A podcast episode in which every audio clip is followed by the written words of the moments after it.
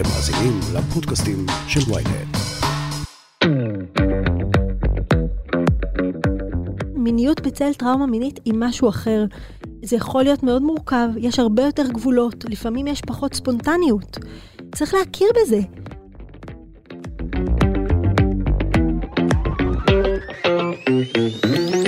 שולמית שפרבר היא מטפלת מינית מוסמכת וחברת צוות במרפאה לטיפול מיני בבית החולים רעות ובמרפאת אישי.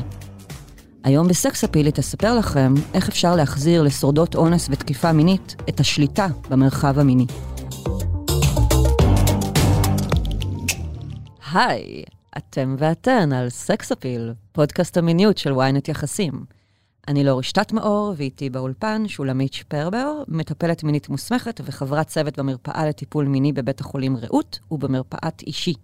שולמית, מה שלומך? טוב מאוד, איזה כיף להיפגש. ממש. את uh, גם השתתפת בפרק uh, מוקדם יותר של סקס אפיל, על חרדת ביצוע ושפיכה מוקדמת. נכון. אז מי שלא האזין מוזמן uh, לחזור לפרק ולהאזין. אנחנו בפרק הזה מדברות בעצם על איך להחזיר לשורדות אונס את השליטה במרחב המיני. נושא שהוא מורכב וקשה ומאוד מאוד מאוד חשוב, ונראה לי שהוא ידבר להרבה מאוד אנשים, נשים וגברים כאחד. אני מקווה. באמת זה נושא קצת כבד ולא קל לדבר עליו. זאת אומרת, זה לא מהנושאים הג'וסיים, הפיקנטיים, המעוררים בעולם המיניות, אבל אני חושבת שזה נושא שמאוד חשוב לגעת בו. אה, אנחנו ארבע שנים אחרי מהפכת מיטו, ואנחנו יותר ויותר נוכחות לדעת כמה פגיעה מינית היא נפוצה. ולפגיעה מינית יש השפעות חד משמעיות על המיניות, על זוגיות, אה, ואני חושבת שחשוב לדבר על זה. בואי נתחיל באמת מההשפעות. מה עושה הפגיעה או תקיפה מינית לגוף האישה ולנפש שלה? וגם גוף הגבר, גם, יש גם כמובן גם גברים שנפגעים מינית. אנחנו נדבר פה בפרק בעיקר על נשים נפגעות, אבל כמובן שזה תקף לכל המגדרים. בדיוק. אז אה, זו, זו ככה הערה מאוד חשובה ומאוד במקומה, ואני גם רוצה להוסיף שאם אני אדבר על מערכות יחסים הטרוסקסואליות, זה פשוט כי נוח לא כל פעם להגיד הוא-הוא, היא-היא, אה, היא-הוא, זה תקף לכל מערכות היחסים.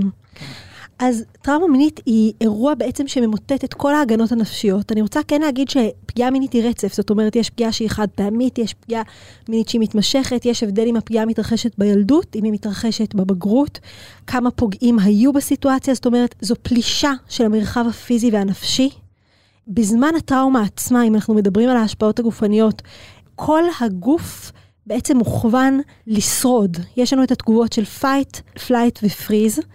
כשיש לנו אה, מצב סכנה, הגוף כולו ככה נכנס ל mode של הישרדות, fight, לחימה, flight, בריחה, או freeze זה לקפוא. אממ. הגוף מזרים הרבה דם לאזור של הרגליים, הראש לא ממש פועל, ויש ממש ניסיון לברוח, להימלט או להתגונן. הבעיה היא שבדרך כלל בפגיעה מינית אין אפשרות לברוח או להילחם, ואז מה שקורה זה מצב כפייה. המצב כפייה בעצם בא להגן על הנפגע זה מצב שהנפש אומרת, אוקיי, אולי אם אני לא אזוז, אני אעשה כאילו אני מת. זה ממש תגובה מאוד מאוד חייתית מהבחינה הזו, יעזבו אותי בשקט. כן, היא נורא נפוצה בטבע, שאת רואה חיות לפעמים מעמידות פנים שהם מתו כדי שישכחו מהם, ואז הן כזה חוזרות. בדיוק. אז זה מנגנון הגנה שאמור אה, לשמור עלינו בחיים, ואם לא יחשבו שאני מתה ויפגעו בי, לפחות זה ייגמר מהר, אולי אם אני לא אתנגד, אה, איכשהו אה, זה יעבור. ו- ובאמת זה מה שקורה לגוף. עכשיו, המנגנון הזה הוא מוטבע בגוף ובנפש שלנו, והרבה פעמים הוא משתחזר בהמשך, ואנחנו עוד רגע נגיע לזה. עוד משהו שקורה בטראומה מינית, זה פגיעה בזיכרון. ומה המשמעות של זה? נוצרת בעצם פיצול, נוצר פיצול בין הזיכרון, החוויה וההכרה. ואנחנו נראה את זה אצל שורדות טראומה מינית בהמשך. הרבה פעמים הם לא יהיה להם זיכרון של האירוע הטראומטי, זאת אומרת, לא יהיה להם איזשהו image של מה שקרה, אבל ברמת התחושה, כל פעם שיהיה משהו שמזכיר באיזשהו אופן היבטים שהיו בפגיעה, יהיו תחושות מאוד מאוד מאוד קשות. שזה הטריגרים, מה שנקרא. עוד, עוד רגע נגיע לטריגרים, בדיוק. עכשיו, עוד צורה של, של פגיעה בזיכרון יכולה להיות שיש זיכרון, אבל אין תחושה. זאת אומרת, הנפגעת היא תספר על הפגיעה שהייתה, אבל בלי שום רגש. יש ניתוק בין הרגש Aha. לבין הזיכרון. כן. ועוד סוג של פיצול זה שיהיה רגש, יהיה זיכרון, אבל יהיו ניתוקים. זאת אומרת, היא תזכור חלקית. כמו פלשבקים קטנים ספציפיים. בדיוק, בדיוק. עכשיו, לדוגמה, מערכת המשפט היא לא רגישה לפגיעה הזו בזיכרון, ואז כל הזמן מפקפקים לגמרי. במה שהנפגעת אומרת. אבל אנחנו יודעים ממחקר שזה מה שקורה. אז יש לנו פגיעה בזיכרון, יש לנו את המנגנון של הכפייה. והנפש, שוב פעם, זה מאוד מאוד תלוי כמובן במה סוג הפגיעה. הרבה פעמים אני פוגשת נשים שעברו פגיעות מיניות מתמשכות בילדות, ושם באמת נוצר איזושהי אה, מצוקה נפשית מאוד מאוד קשה. אה, יש אה, תחושה של בלבול ביחס לגבולות, ביחס לטוב או לרע.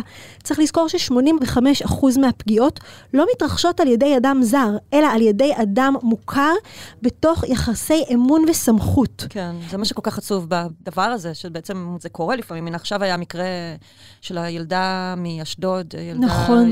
הקשת האוטיסטית, שנפגעה נכון. ממש בסיפור הקלאסי, אדם שביקש את עזרתה ואז אנס אותה בדירה שלו. אבל רוב המקרים באמת הם אה, על ידי אדם מוכר, או בן זוג, או אבא, קרוב משפחה, שכן, כזה. בדיוק, ואז זה עוד יותר קשה. אגב, מצאו קשר הפוך בין מידת הקרבה לפוגע לבין הזיכרון. זאת אומרת, ככל שיש יותר קרבה בין הפוגע לבין הנפגעת, יהיו פחות זיכרונות, כי זה וואו. בעצם משהו שהנפש לא מסוגלת לשאת. אם אנחנו מדברים על ההשפעות של הטראומה על הנפש, זה משהו שהנפש באמת לא יכולה לשאת, זה יותר מדי בלתי נסבל. ואז מתחילים גם פיצולים, דיסוציאציה, ניתוק. Mm. ואנחנו נסביר עוד מעט איך זה בא לידי ביטוי. עכשיו, אנשים שעברו פגיעות מיניות בילדות, אנשים גדלים, מתבגרים, והם רוצים להיכנס למערכות יחסים זוגיות, ופתאום כל המורכבות עולה, בגלל שהגוף זוכר, והמרחב הטראומטי הוא המרחב המיני, המרחב של הגוף. מה הכוונה? אנחנו הרי כולנו יודעים היום שאדם שהוא פוסט-טראומטי מאיזשהו מבצע צבאי, ישמע נפץ והוא חוזר לטילים. כן. אז תחשבו מה קורה כשהזירה בה התרחשה הטראומה זה חדר השינה. אשכרה. אז זה מביא אותנו באמת למקום הזה של טריגרים, למקום הזה של אישה נכנסת למרחב המיני וחווה כל מיני אזכורים שפתאום מכניסים אותה לסיטואציה שלפעמים היא אפילו לא, מעולם לא ניתחה, איבדה, הבינה אותה עד הסוף. בואי נסביר קצת כזה על קצה המזלג, מה זה בעצם טריגרים, אה, אותם אזכורים האלה, ואיך הם יכולים בעצם לתקוף אה, נפגעים ונפגעות. אז טריגרים הם מאזכרים, זה בעצם איך שאנחנו קוראים לזה בעברית. מאזכרים הם כל מיני אלמנטים שמזכירים את החוויה בזמן הפגיעה. הנפש שלנו, בכדי להגן על עצמה מחוויות שהן בלתי נסבלות פסיכולוגית, בעצם מדחיקה. ואנחנו רוב היום, נפגעי ונפגעות טראומה מינית, לא חושבים רוב היום על מה שעבר עליהן. אבל כשהם נכנסים למקום שיש בו איזשהו משהו שמזכיר את החוויה של הפגיעה, כל הזיכרונות צפים. וזה יכול להיות כל מיני דברים, זה יכול להיות האופן בו החדר מאורגן, אני אתן לכם דוגמה. אה, עבור מישהי שלא עברה פגיעה מינית, יכול להיות שחדר כזה עם אור מעומעם ונרות יכול לחוות כמשהו מאוד מאוד נעים. עבור מישהי שחוותה טראומה מינית, זה יכול להיות משהו מאוד מאוד מאיים. וואו, למה? בגלל שאם זה היה חדר מעומעם, המקום בו זה קרה, לעת אה, ערב, זה יכול להיות משהו שמזכיר. תנוחות מסוימות ביחסי מין יכולות להזכיר. בקשות מסוימות של הפרטנר יכולות להציף את הזיכרונות הכואבים. עכשיו, אני רוצה להגיד שוב פעם, תזכרו את הפיצול בזיכרון, מה שאומר שלא תמיד תעלה למטופלת, לנפגעת, דימוי ויזואלי ברור. יכול להיות שזאת תהיה תחושה. אני אתן לכם דוגמה, מטופלת שלי שכל פעם שבן הזוג שלה היה סוגר את חדר השינה, הייתה חשה חרדת אימים, תחושות בחילה. זאת אומרת, הפלשבק שעלה לה, הוא לא היה בצורה של דימוי ויזואלי, אלא של תחושה. וואו. ואנחנו נראה את זה הרבה אצל נפגעות. שזה בדיוק מה שאמרת על הגוף זוכר. זה מזכיר לו איזו סיטואציה, והוא מגיב אליה ישר. זה ממש כך, זה בדיוק זה. יכול להיות איזשהו מגע, איזושהי תנועה, איזשהו טון דיבור של הפרטנר, שמזכיר באיזשהו אופן מה שהיה מהעבר, והעבר והזיכרונות דולפים לתוך ההווה. זו חוויה שהיא מאוד מאוד מעוררת חרדה. ואז, הרבה פעמים מה שקורה, תנסו לזכור את מנגנון הדיסוציאציה וניתוק. בזמן הפגיעה, בשביל לשרוד, כי אי אפשר לשרוד מצב שבו פוגעים במרחב הפיזי והנפשי שלנו, יש ניתוק, יש פיצול. הרבה פעמים אה, נשים יתארו את החוויה של הפגיעה כמשהו שהגוף שלהם חווה, אבל הנפש לא הייתה שם. ומה שיכול לקרות בתוך יחסים זוגיים, זה בעצם שחזור של החוויה הזו. יש איזשהו טריגר, אם היא במקום באמת מודע ובתוך מערכת יחסים מאפשרת שאפשר לדבר על זה, יכול להיות שהיא תגיד לפרטנר שלה, רגע, רגע, עצור, משהו עולה לי, אנחנו לא יכולים אני להמשיך. מוצפת, חכה רגע. בדיוק, חכה, אני, רגע, משהו כאן לא עבד לי. זה במקרה הטוב. במקרה הלא טוב, מה שקורה הרבה פעמים, זה שיש בעצם שחזור. זאת אומרת, הטריגר הם, הם, מפעיל הם, את הזיכרונות, ואז, כמו שהיה בזמן הפגיעה שהנפגעת התנתקה, היא תתנתק גם עכשיו בחדר המיטות, והפרטנר ימשיך לעשות את מה שהוא הגוף שלה עושה. ישעתק את מה שהוא עשה בזמן הפגיעה בעצם. בדיוק, הגוף שלה יהיה שם, היא לא תפסיק את יחסי המין, אבל הנפש שלה לא תהיה שם, היא תהיה באיזשהו ניתוק. כמו חוויה חוץ גופית כזאת, שהנפש עולה למעלה כזה לפי התיאורים, אז כאילו. כן, נשים נפגעות לפעמים מתארות את זה שהן ראו את עצמן מבחוץ, או נגיד, אני אתן לך, יכול לקרות uh, לפעמים שמישהי תגיד, אני נשאל אותה, אוקיי, ואיך הייתה החוויה? והיא תגיד, אני לא ממש יודעת, אני, אני לא יכולה להגיד לך, אני לא ממש הייתי שם. זאת אומרת, הגוף שם, אבל הנפש לא. כן. וזה משהו שהוא מאוד הרסני. לנפגעים ונפגעות. אנחנו רוצים שאנשים יוכלו לחוות מיניות נוכחת, מחוברת, ושהם לא יצטרכו לברוח. אבל המנגנון הזה של הטריגרים, של הפלשבקים שחודרים אה, ושל הניתוק, הוא משהו שקורה הרבה מאוד פעמים. אדם יכול לדעת מראש מה עלול לעורר אצלו טריגרים? אני חושבת שזה מורכב, אני חושבת שהרבה פעמים אנחנו לא יכולות לדעת מראש.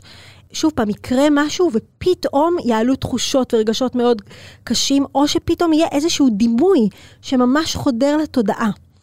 יש דברים שאני חושבת שבתהליך טיפולי אפשר לאט לאט לנסות להבין מה יכול להיות יותר טריגרי. אממ. אחד הדברים שאנחנו עושים, כשאנחנו נגיע קצת לאיך אנחנו עובדים בשיקום מיני בצל טראומה מינית, אחד הדברים שאנחנו מבקשים זה שבזמן שעושים תרגולי מגע, ה setting יהיה הכי הכי אחר שאפשר ממה שהיה בפגיעה. זאת אומרת, אה. אם הפגיעה התרחשה בחדר שינה, אנחנו נתרגל רק בסלון. אם זה קרה בלילה, אנחנו נתרגל רק ביום.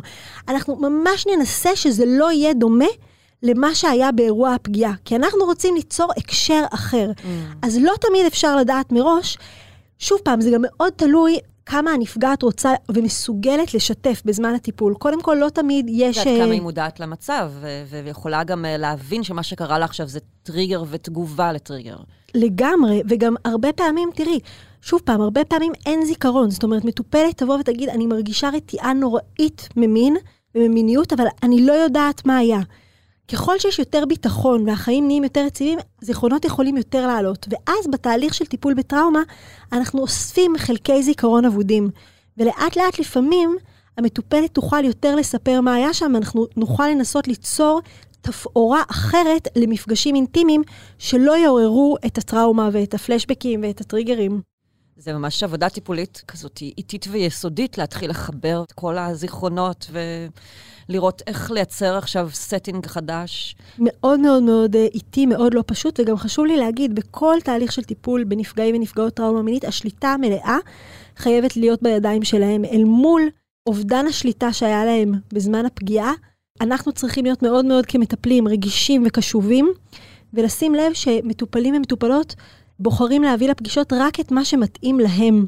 אחד הדברים זה שהרבה פעמים נפגעות ונפגעים הם לא חווים מיניות כמשהו שקשור לצורך או לרצון שלהם, אלא כאיזושהי חובה. זאת אומרת, נלקחת מהם האוטונומיה, כמו שבפגיעה עשו בהם משהו שלא ברצונם, כך גם בחיים. המיניות הופכת להיות מין מטלה, חובה. חלק מחיי משפחה, חיי אישות, ומשהו שצריך לעשות. נכון, משהו שצריך לעשות כדי לשמר את המערכת, כדי שבן הזוג שלי לא יעזוב אותי. אין תחושת אוטונומיה ובחירה ורצון זה משהו שאנחנו רוצים לעזור לשנות. אז מה עושים במצבים כאלה? אז אחד הדברים המרכזיים שקורים אצל נפגעים ונפגעות זה שהרבה פעמים אין להם יכולת להגיד לא. זאת אומרת, אם פרטנר או הפרטנרית מבקשים, הם לא מרגישים שהם באמת יכולים לשים גבול להגיד, לא, זה לא מתאים לי. אנחנו עובדים איתם הרבה על השבת השליטה לידיים שלהם, על היכולת להבין מה אני רוצה, מה אני רוצה, מה נכון לי, מה לא נכון לי.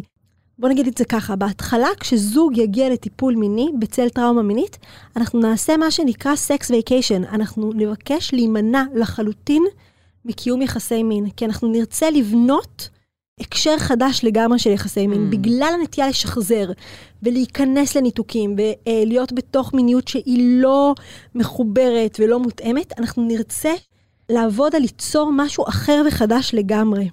בהתחלה אנחנו באמת אה, נעבוד איתם, אפשר לעשות את זה בחדר הטיפול אפילו, על היכולת להיות האחד עם השנייה, אחד בנוכחות השנייה, בלי מגע בכלל, באיזושהי קשיבות לגוף. אנחנו נעשה כל מיני הרפיות ודמיון מודרך, ולהרגיש את הרגליים על הרצפה, ולנסות להיות באותו החלל. וואו. במודעות לגוף, לא בניתוק.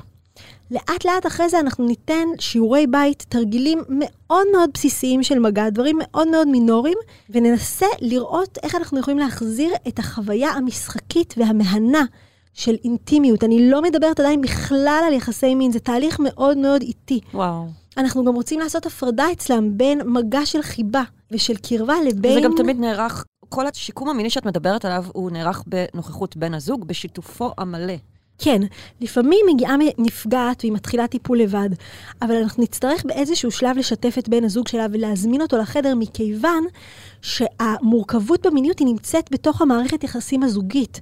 לבני ובנות הזוג יש תפקיד קריטי במסע הזה, זה מסע מאוד לא פשוט, הרבה פעמים גם לא פשוט לבני הזוג, כשאני כמטפלת אומרת שאנחנו לתקופה נמנעים מיחסי מין. לגמרי. עד שאנחנו נעשה איזשהו שינוי. בטח יש התנגדויות גם או משהו? יש התנגדויות, בטח, וכמטפלת. אני כאילו במקום הלא נחמד של זאת שאוסרת, אבל בדרך כלל לצד אה, של הנפגע, זו איזושהי חוויית הקלה מדהימה. המון מהעבודה גם עם הזוגות, זה עבודה להסביר את מה שקורה. בדרך כלל... הנפגעות עצמן, וגם בני הזוג שלהם, הם יחשבו, אני משוגעת, מה הלו"ז? רגע אחד הוא מחבק אותי, רגע אחד אני בוכה. למה מה שכולם נהנים לעשות? איך ייתכן שהבן אדם שאני הכי אוהבת בעולם גורם לי למצבים נפשיים כאלה? הרי זה לא הגיוני. ו... נכון, הוא אוהב אותי ואני אוהבת אותו, אז למה כשהוא נוגע בי? צריך להבין, בטראומה, כשיש איזשהו מגע שמעורר טריגר, החוויה של הנפגעת זה כאילו זה קורה מחדש, היא חווה את הפרטנר כתוקפן גם אם הוא לא. וכל הדברים האלה אנחנו חייבים להסביר. זה בעצם שחזור של הטראומה. כן, זה, שוב פעם, יש לפעמים בן זוג שהוא באמת פולשני. זאת אומרת, מישהי נפגעת, שאומרת לפרטנר שלה לא, והוא מנסה להמשיך ולהגיד לה, אבל אולי כן, אבל אולי תסכימי. זו התנהגות שהיא באמת ממש משחזרת את הפלישה לגבולות, וזה משהו שאנחנו לא נאפשר בתהליך הטיפולי. אנחנו נבהיר בצורה מאוד מאוד ברורה שאין מקום לזה, ושהכבוד לגבולות של הנפגעת הוא א', ב', הוא הבסיס להכל. לפעמים זה באמת פרטנר רגיש שלא רוצה חס וחלילה לעשות שום דבר רע, אבל המגע עורר טריגר. זאת אומרת, את הטראומה, בטח שהפרטנר לא, לא יצר, אבל יכול להיות שבאיזושהי התנהגות שלו הוא עורר את כל השדים מן העבר. ואז אנחנו צריכים באמת הרבה להסביר ולתת פשר. היא לא עושה לך בכוונה, היא לא רוצה לדחות אותך, היא אוהבת אותך. וכל מה שהיא חווה זה תגובה הכי, הכי, הכי נורמלית למצב כל כך בלתי נורמלי. זאת אומרת, באמת להסביר לשני בני הזוג, גם לנפגעת עצמה וגם לבן הזוג שלה או לבת הזוג שלה, שמה שקורה פה זה הגיוני. אף אחד כאן לא משוגע, אף אחד כאן לא מקולקל. כל מה שקורה לך הגיוני. פרסומת קצרה וחזרנו. עוד דקה נשוב. היי, כאן יובל פלוטקין. מאז ומתמיד העולם מלא בסיפורים שעוברים מפה לאוזן, קונספירציות, שמועות, אגדות אורבניות, פיסות רכילות ועוד. בפודקאסט שלי, נא להפיץ, אנחנו מדברים בדיוק על הדברים האלה. בכל פרק ניקח סיפור אחר, מסעיר ושנוי במחלוקת, וננסה להבין מה עומד מאחוריו. מי האנשים שמפיצים אותו ומה הם מרוויחים מכך. ויותר חשוב, האם הם באמת מאמינים לסיפורים האלה? אז חפשו נא להפיץ בוויינט או באפליקציית הפודקאסטים שלכם, ונשתמע.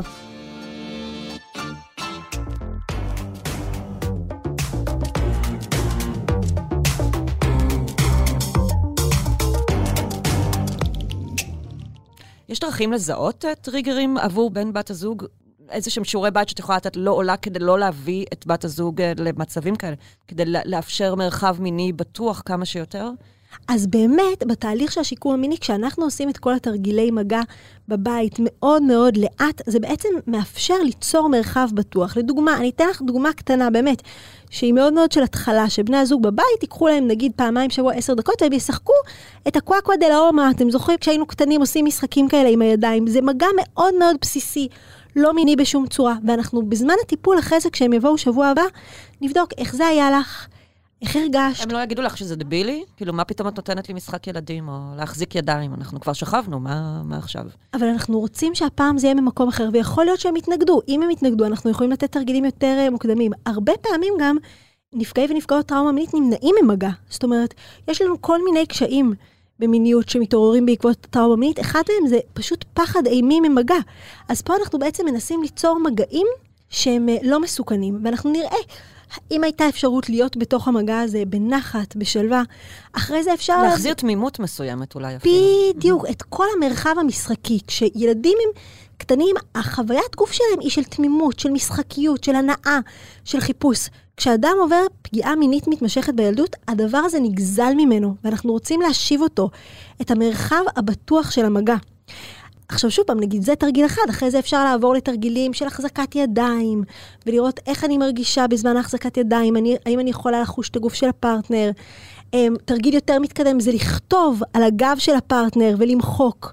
Hmm. שזה ככה תרגיל שהוא יותר מתקדם. אנחנו בעצם עושים תרגילי מגע מאוד מאוד מעודנים, שיוצרים חוויות מגע בטוחות. ואנחנו גם אומרים, המגעים האלה לא מובילים לשום דבר מיני, הם בפני עצמם. הרבה פעמים נפגעים ונפגעות, הם לא מכירים את האופציה של מגע של חיבה, שהוא לא ישר הולך למיניות. כן, כן, כן. זה גם בכלל אנשים רגילים, זוגות, וזה, את שומעת את זה על הרבה נשים שהן בטוחות שברגע שהבן זוג שלהם בא לחבק אותם, אז הוא רוצה מהם מיניות באותו הרגע. ולא, לפעמים הוא פשוט רוצה לחבק אותם. לחבק, בדיוק. ואז כבר נמנעים גם מהחיבוק. כי אם הוא יחבק אותי, הוא יהיה מעורר מינית, הוא יסחוב אותי למיטה ואני לא רוצה. בדיוק. אנחנו רוצים ליצור מרחב שבו יש מקום להרבה חיבה והרבה מגע שהוא לא מיני. לאזורים המיניים אנחנו מגיעים רק כשבאמת יש המון המון המון ביטחון בתוך היחסים, בתוך הגוף והנפש, שבתוך היחסים יש אפשרות לתקשורת מאוד מאוד פתוחה. כשהנפגעת יודעת להגיד, זה נעים לי, זה לא נעים לי. זה משהו שאת מבהירה להם בזמן הטיפול.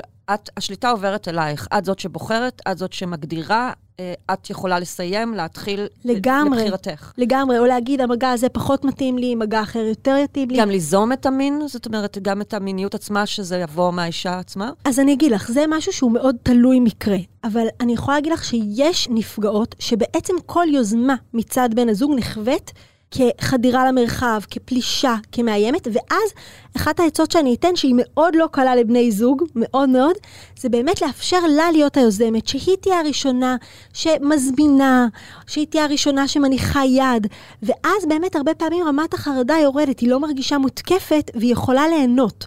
יש זוגות שאצלם זה אפשרי שבן הזוג ייזום, אבל הרבה פעמים תוך תקשורת עם הפרטנרית באיזה אופן הוא יכול ליזום, שלא מעורר אצלה טריגרים. זאת אומרת, אם בזמן הפגיעה הפוגע היה לוקח לה את היד ומושך אותה לחדר, אז יכול להיות שהיא תגיד, אל תנסה ליזום מיניות דרך כף היד שלי, לדוגמה. אבל זה ממש שלב מתקדם, כי היא צריכה ממש להבין מבחינת פריטה של האקטים. מה מעורר אצלה טריגרים. נכון, וזו עבודה שאנחנו עושים בטיפול מיני. אנחנו מנסים להבין איפה המוקדים שהם יכולים להיות טריגרים, ולנסות לעקוף אותם, למצוא דרכים אלטרנטיביות. עכשיו, כן חשוב לי להגיד, גם זוג מאוד מאוד מאוד מודע, ביחסים מאוד מאוד טובים ומשמעותיים, טריגרים יכולים לצוף. תזכרו שהזיכרון הוא מטושטש. נפגעות לא תמיד זוכרות מה עשוי להיות טריגרי. אבל אז, אם יש באמת קשר טוב ובטוח, אפשר פשוט לעצור הכל. ולשאול את בת הזוג, אוקיי, אני רואה שאת עוברת משהו עכשיו, איך אני יכול לעזור לך? איך אני יכול להיות כאן בשבילך? מה את זקוקה? את צריכה עכשיו חיבוק? את צריכה שאני אביא לך משהו חם? דרך אילו סימנים, אבל אה, מה על הבן זוג לראות כדי להבין שבת זוגו נמצאת עכשיו באיזו סערה נפשית מסוימת? אוקיי, זה מאוד חשוב שהעלית את זה, כי באמת לבן הזוג, לפרטנר, לפרטנרית, יש תפקיד מאוד מאוד משמעותי. הרבה פעמים המנגנונים של הניתוק, של הדיסוציאציה, של ההתנתקות מהאירוע, הם כל כך אוטומטיים וכל כך מוטבעים, שהאישה לא תוכל לעצור תוך כדי. ואז הפרטנר יש לו תפקיד מאוד מאוד חשוב. אם הוא רואה שהפרטנרית שלו לא בדיוק שם, שיעצור ויגיד לה, היי, מה קורה? את כאן איתי? רגע, איפה את? אם הוא רואה שהגוף שלה מתכווץ, אם הוא רואה שמשהו ב... לא, לא נראה לו, שהיא... נגיד, היא לא מסתכלת לו בעיניים, והוא מרגיש שהיא לא פה, בנוכחות שלה. כן, שהנוכחות שלה לא פה. אה, אני יכולה לתת לך דוגמאות על אה, כל מיני אה, מנגנוני הגנה. מישהי שבזמן הפגיעה, הדרך שלה... לברוח מהמצב הכל כך בלתי נסבל הזה היה לשיר, אז היא תתחיל לזמזם תוך כדי האקט המיני. לעצור, לשאול אותה, רגע, איפה את? כאילו, האם את בורחת, האם את מתנתקת? מה קורה כאן עכשיו שלא טוב לך? בואו נעצור, בואו נפסיק את זה. אז לפרטנר יש כאן תפקיד מאוד מאוד משמעותי. לשים לב שהבת זוג שלו לא נעלמת לתוך החור השחור הזה של הניתוק. נורא. כן, אבל אני רוצה להגיד שיש איזושהי תקווה מדהימה במסע הזה, כי כשהם מצליחים ליצור מרחב מיני בטוח והקשבה וליצור הקשר אחר ליחסי מין, זאת אומרת, מחוויה של ניצול, של פגיעה, של פלישה, שמחייבת התנתקות, ליצור מרחב של הנאה, של חיבור, שבו לנפגעת יש אפשרות לשלוט בסיטואציה, אני יכולה להגיד לך שזו אחת החוויות הכי מרפאות שיצא לי לחזות בהן. מרפאות. כן, mm. זו ממש חוויה. אני, אני זוכרת אה, מטופלות שבאו אליי בדמעות ואמרו, כאילו, וואו, אני חוויתי פעם ראשונה משהו שלא חוויתי מעולם. הייתי בתוך הסיטואציה, עלה טריגר, אמרתי לפרטנר שלי, הוא הפסיק הכל, נתן לי חיבוק, וזהו, הוא היה איתי בכאב הזה. יכולנו יחד להכיל את הכאב, את הפצע. אז אה, זה איזשהו מסע שהוא יכול להיות מאוד מרפא ומאוד מאוד עוצמתי. אם שני בני הזוג באמת רואים את זה כמשהו משותף, משהו מאוד חשוב, זה שלא תהיה איזושהי תפיסה שבאים לטיפול כדי לתקן את הנפגעת. אין כאן אף אחד שצריך לתקן. יש כאן איזשהו קושי משותף שבני הזוג מתמודדים איתו ביחד, יד ביד, והם תומכים זה בזו במסע הזה. מצד שני, המיניות לעולם לא תהיה אותו דבר. זאת אומרת, המיניות אחרי פגיעה היא תהיה אחרת. נכון, מיניות בצל טראומה מינית היא משהו אחר. זה יכול להיות מאוד מורכב, יש הרבה יותר גבולות, לפעמים יש פחות ספונטניות. צריך להכיר בזה. אני חושבת גם שהנושא של השליטה המלאה אצל בת הזוג, כשמדובר ביחסים הטרוסקסואליים, זה יכול להיות דבר מורכב. אני חושבת שהתרבות שלנו מאוד מבנה את הגברים כציידים, כמפתים. אתה צריך לכבוש, לפתות אותה, ופתאום פה אומרים להם, לא, תהיו פסיביים, תנו לה להוביל. זה לא דבר פשוט, גם ברמה של הבניות מגדריות, וגם באמת, זו מיניות אחרת. זאת אומרת, כמובן, אנחנו לא רוצים לבטל חס וחלילה את הצרכים והרצונות של מי שלא נפגע, להפך, גם הוא, אה, חשוב שהוא יבטא את מה שעובר עליו, את הצרכים ואת הרצונות שלו, אבל באופן כללי, השליטה על הסיטואציה היא בידי הנפגעת. זאת אומרת שגם אם בן הזוג מאוד מאוד מעורר מינית, והיא עכשיו צריכה להפסיק, מפסיקים, ולא מתעקשים ולא מנסים אה, אה, לשכנע, לא מנסים אה, לנדנד, לא. זאת אומרת, השליטה היא אצל הנפגעת, והיא גם לא צריכה עוד משהו שאנחנו מדברים עליו בטיפול, היא לא צריכה לתת הצדקות. Mm. כי לפעמים נפגעת לא תרצה, או שהיא לא במצב שהיא מסוגלת להגיד, אני חווה עכשיו טריגר או פלשבק. לפעמים, שוב פעם, תזכרו שיש פגיעה בזיכרון. זאת אומרת, לפעמים היא לא תוכל אפילו להסביר למה היא חייבת להפסיק עכשיו, אבל היא יודעת שהיא חייבת להפסיק. ואז, הרבה פעמים עולות שאלות אצל הפרטנר, ואנחנו אומרים, לא. כשהיא אומרת די, זה די, בלי שאלות. בלי שום שאלות. את עורכת פגישות פרטניות גם עם בני הזוג? זאת אומרת, כדי להבהיר את הדברים האלו, שהכל נעשה במעמד שני בני הזוג כל הזמן? אני חושבת שיש פגישות נפרדות. באופן כללי בטיפול מיני תמיד יהיו אה, פגישות נפרדות, כי לפעמים אני ארצה לשמוע דברים שאולי בני הזוג לא רוצים להגיד אחד אה, בפני השנייה. אבל הדברים שקשורים להסברים על הטראומה ועל ההשפעות של הטראומה ועל מה הן עושות, זה משהו שאני אעדיף ששני בני הזוג ידעו. עוד משהו שלא דיברנו עליו עכשיו כאן עדיין, תזכרו שהפגיעה היא בגוף, והגוף זוכר. הרבה פעמים... לנפגעי ונפגעות טראומה מינית, לכל מה שקשור לאזורים האירוגניים, לגניטליה, יש שם המון המון תחושות של בושה, של אשמה, של גועל. זה איברים ש- שהטריגרים נמצאים בהם. זה לא פשוט.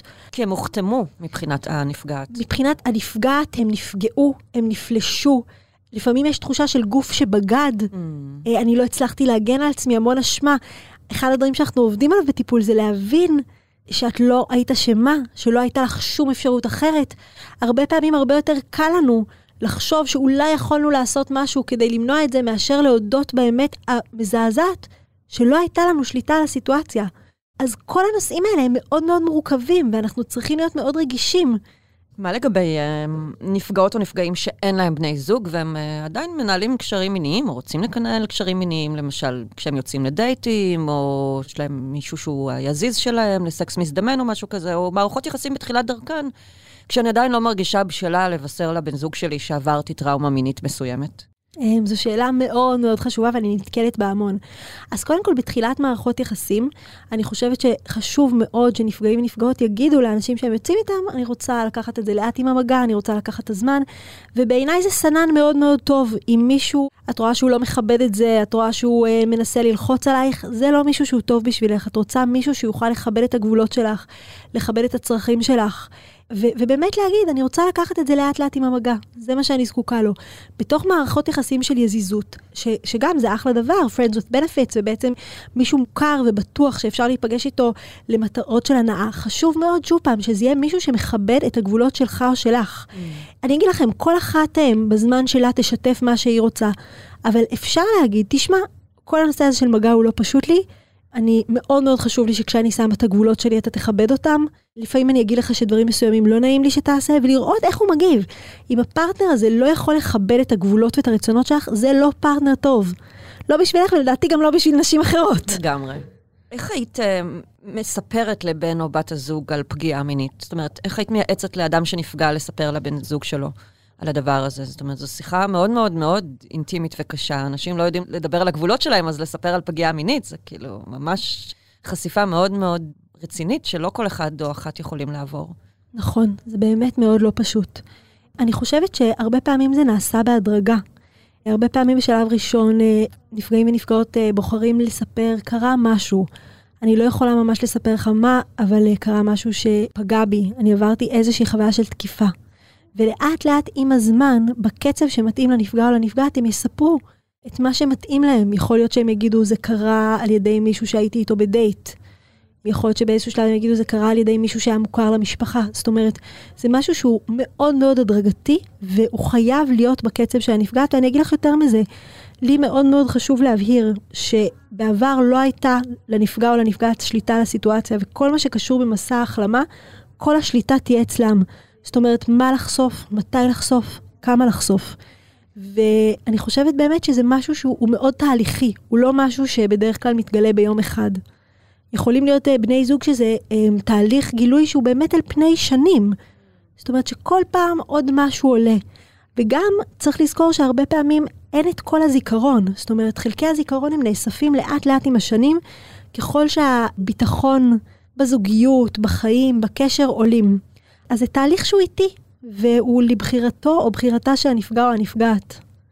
כדי לסיים עם אה, משהו קצת אופטימי, אז אני אשמח אם תספרי קצת אולי על סיפורי הצלחה שנתקלת בהם, זוגות שבאמת הצליחו לייצר לעצמם מיניות חדשה וטובה יותר, ומה את חושבת שהיה המפתח להצלחה הזאת שלהם?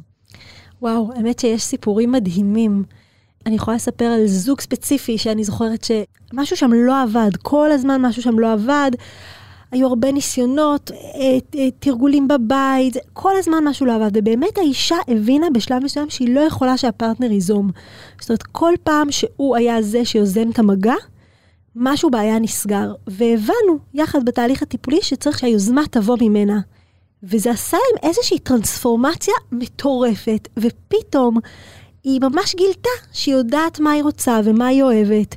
ושהיא יודעת להוביל את זה בכיוונים שטובים לה, והיא גם למדה להגיד לו, תקשיב, אל תיגע בי פה, זה לא עושה לי טוב, אני לא, אפילו לא ידעה להסביר למה. לא איך לעשות חיבור בין מה שקורה בהווה לבין העבר, אבל היא ידעה.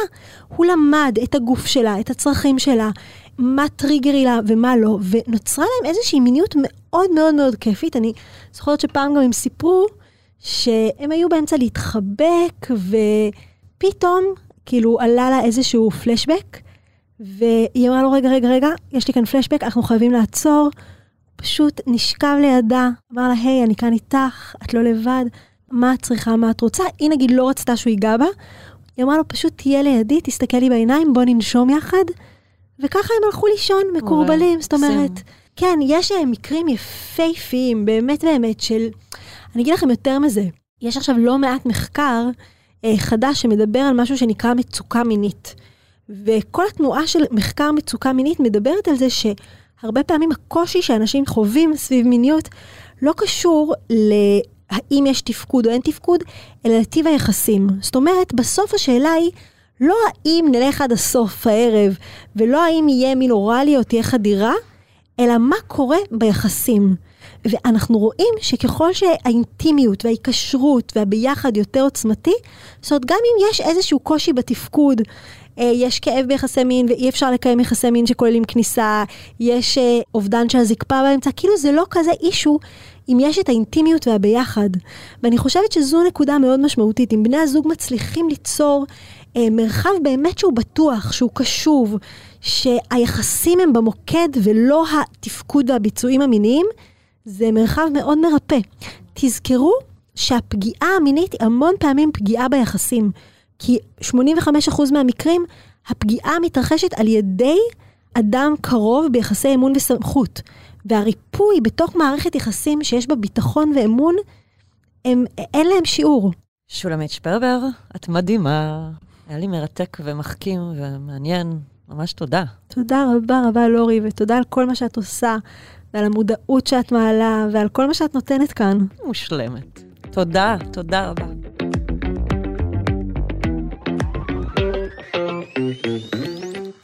עד כאן סקס אפיל. מוזמנות ומוזמנים לעקוב אחרינו בוויינט, ספוטיפיי או באפליקציית הפודקאסטים שלכם. נשמח מאוד שתדרגו אותנו באפל, ואתם יותר ממוזמנים להצטרף לקבוצת הפייסבוק שלנו, סקס אפיל, הקבוצה לדיונים, ולספר לנו מה חשבתם על הפרק. עורך הפודקאסטים הוא רון טוביה, על הסאונד גיא סלם. אני לא רשתת מאור, נשתמע בפעם הבאה.